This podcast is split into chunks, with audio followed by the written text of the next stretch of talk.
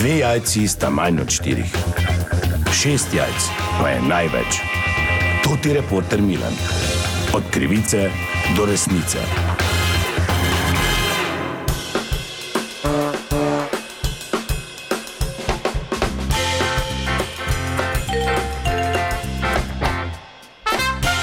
Dame in gospodje, to ti reporter Milan, sem ponovno na sledi zgodbe.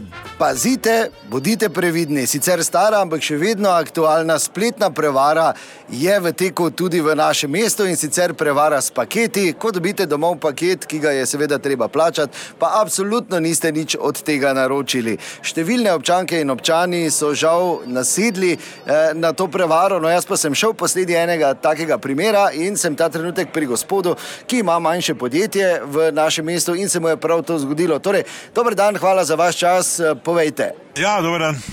55 evrov zdaj ni nekaj, za kar bi zdaj pa človek mogel prestaviti dopust, ali kaj, samo je pa, bom rekel, svinsko. Ja. Mislim, ti dobiš od Kitajcev paket, zdaj jaz za sebe vem, kaj naročim, kaj je odkupno, kaj ni. Ampak meni vse sem na firmo prije.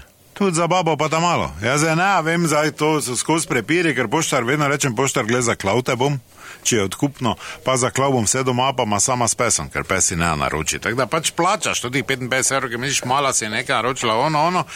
In potem, ko prijem domov, noben si nič ni naročil, noben pač paket odpreš. Ne? In noč so bili ženski čevlji. Moja je rekla vredni 8 evrov z kitajske, ne. Uh, ne vem, zdaj 42 ali 43 številka, v glavnem jaz sem za to plačal 55 in ne mogoče je to vrniti in narediti nazaj, ker smo šli na spletno stran, kjer piše, da so oni na dopustu. Hvala sem na dopustu, ne. Če tavžen krat 55 je 55 tavžen, se vrla si na dopustu, ne, pa samo gledaš, koliko se ti je denara vsedlo. Tako da, če niste ziger, da to ni vaše, ne da denara. Ne. Tu, če vam je lepo paket zapakiran, pa misliš, jo, kaj sem te naročil, mogoče sem pozabil, ne, to veš gužva, ono, ne. Ne. Jaz sem pač padel na to, jaz zdaj priznam, zdaj, če sem tele, sem tele, pač 55 evrov imam manj, tako je to.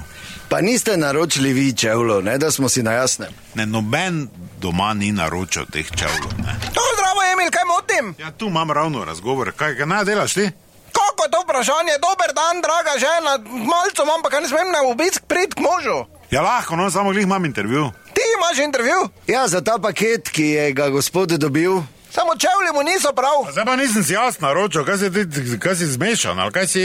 Ja, jaz zdaj ne vem, samo ko, ko sem domov prišla, si si jih glih obuval. Mislim, prav ti tako niso, ker so malo mala številka. Kaj si obuvo, tam so bili odprti paketi, je bil za foro z no- noč stopo. Ja, kakaj to fora, če sta bila sama s pesom doma? Kaj se ne pes smeji tvoj forum? V glavnem ne, zdaj vi to ti. probali ste si jih. Probo, tam se je bil paket odprt, pa kaj pa vi sta oba butla, kaj pa kam te jaz v ženskih šuvih hodo. Kaj se jaz mu tako rekla, čuj, mene ne moti, zrad mene jih lahko imaš tudi spalnici, jaz okoli ne bi govorila. Ali pa recimo, da bi si jih zdaj firmo nesel, pa bi v pisarni pa sedel z njimi, ne obut, da se boljše počuti.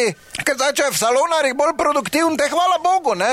Ampak vse smo tako rekla, gled, se ni osamljen primer. Dobro, kaj si bolana, ti? Jaz nisem bolana, pa to sem ti zadnjič hotla reči, samo bila mala zraven. Ene hlačke pogrešam tudi. Daj ta oba vun. Ja, dobro, gospod Emil, eh, hvala lepa. To je bila še ena zgodba, raziskoval sem jo tudi Milan, od krivice do resnice.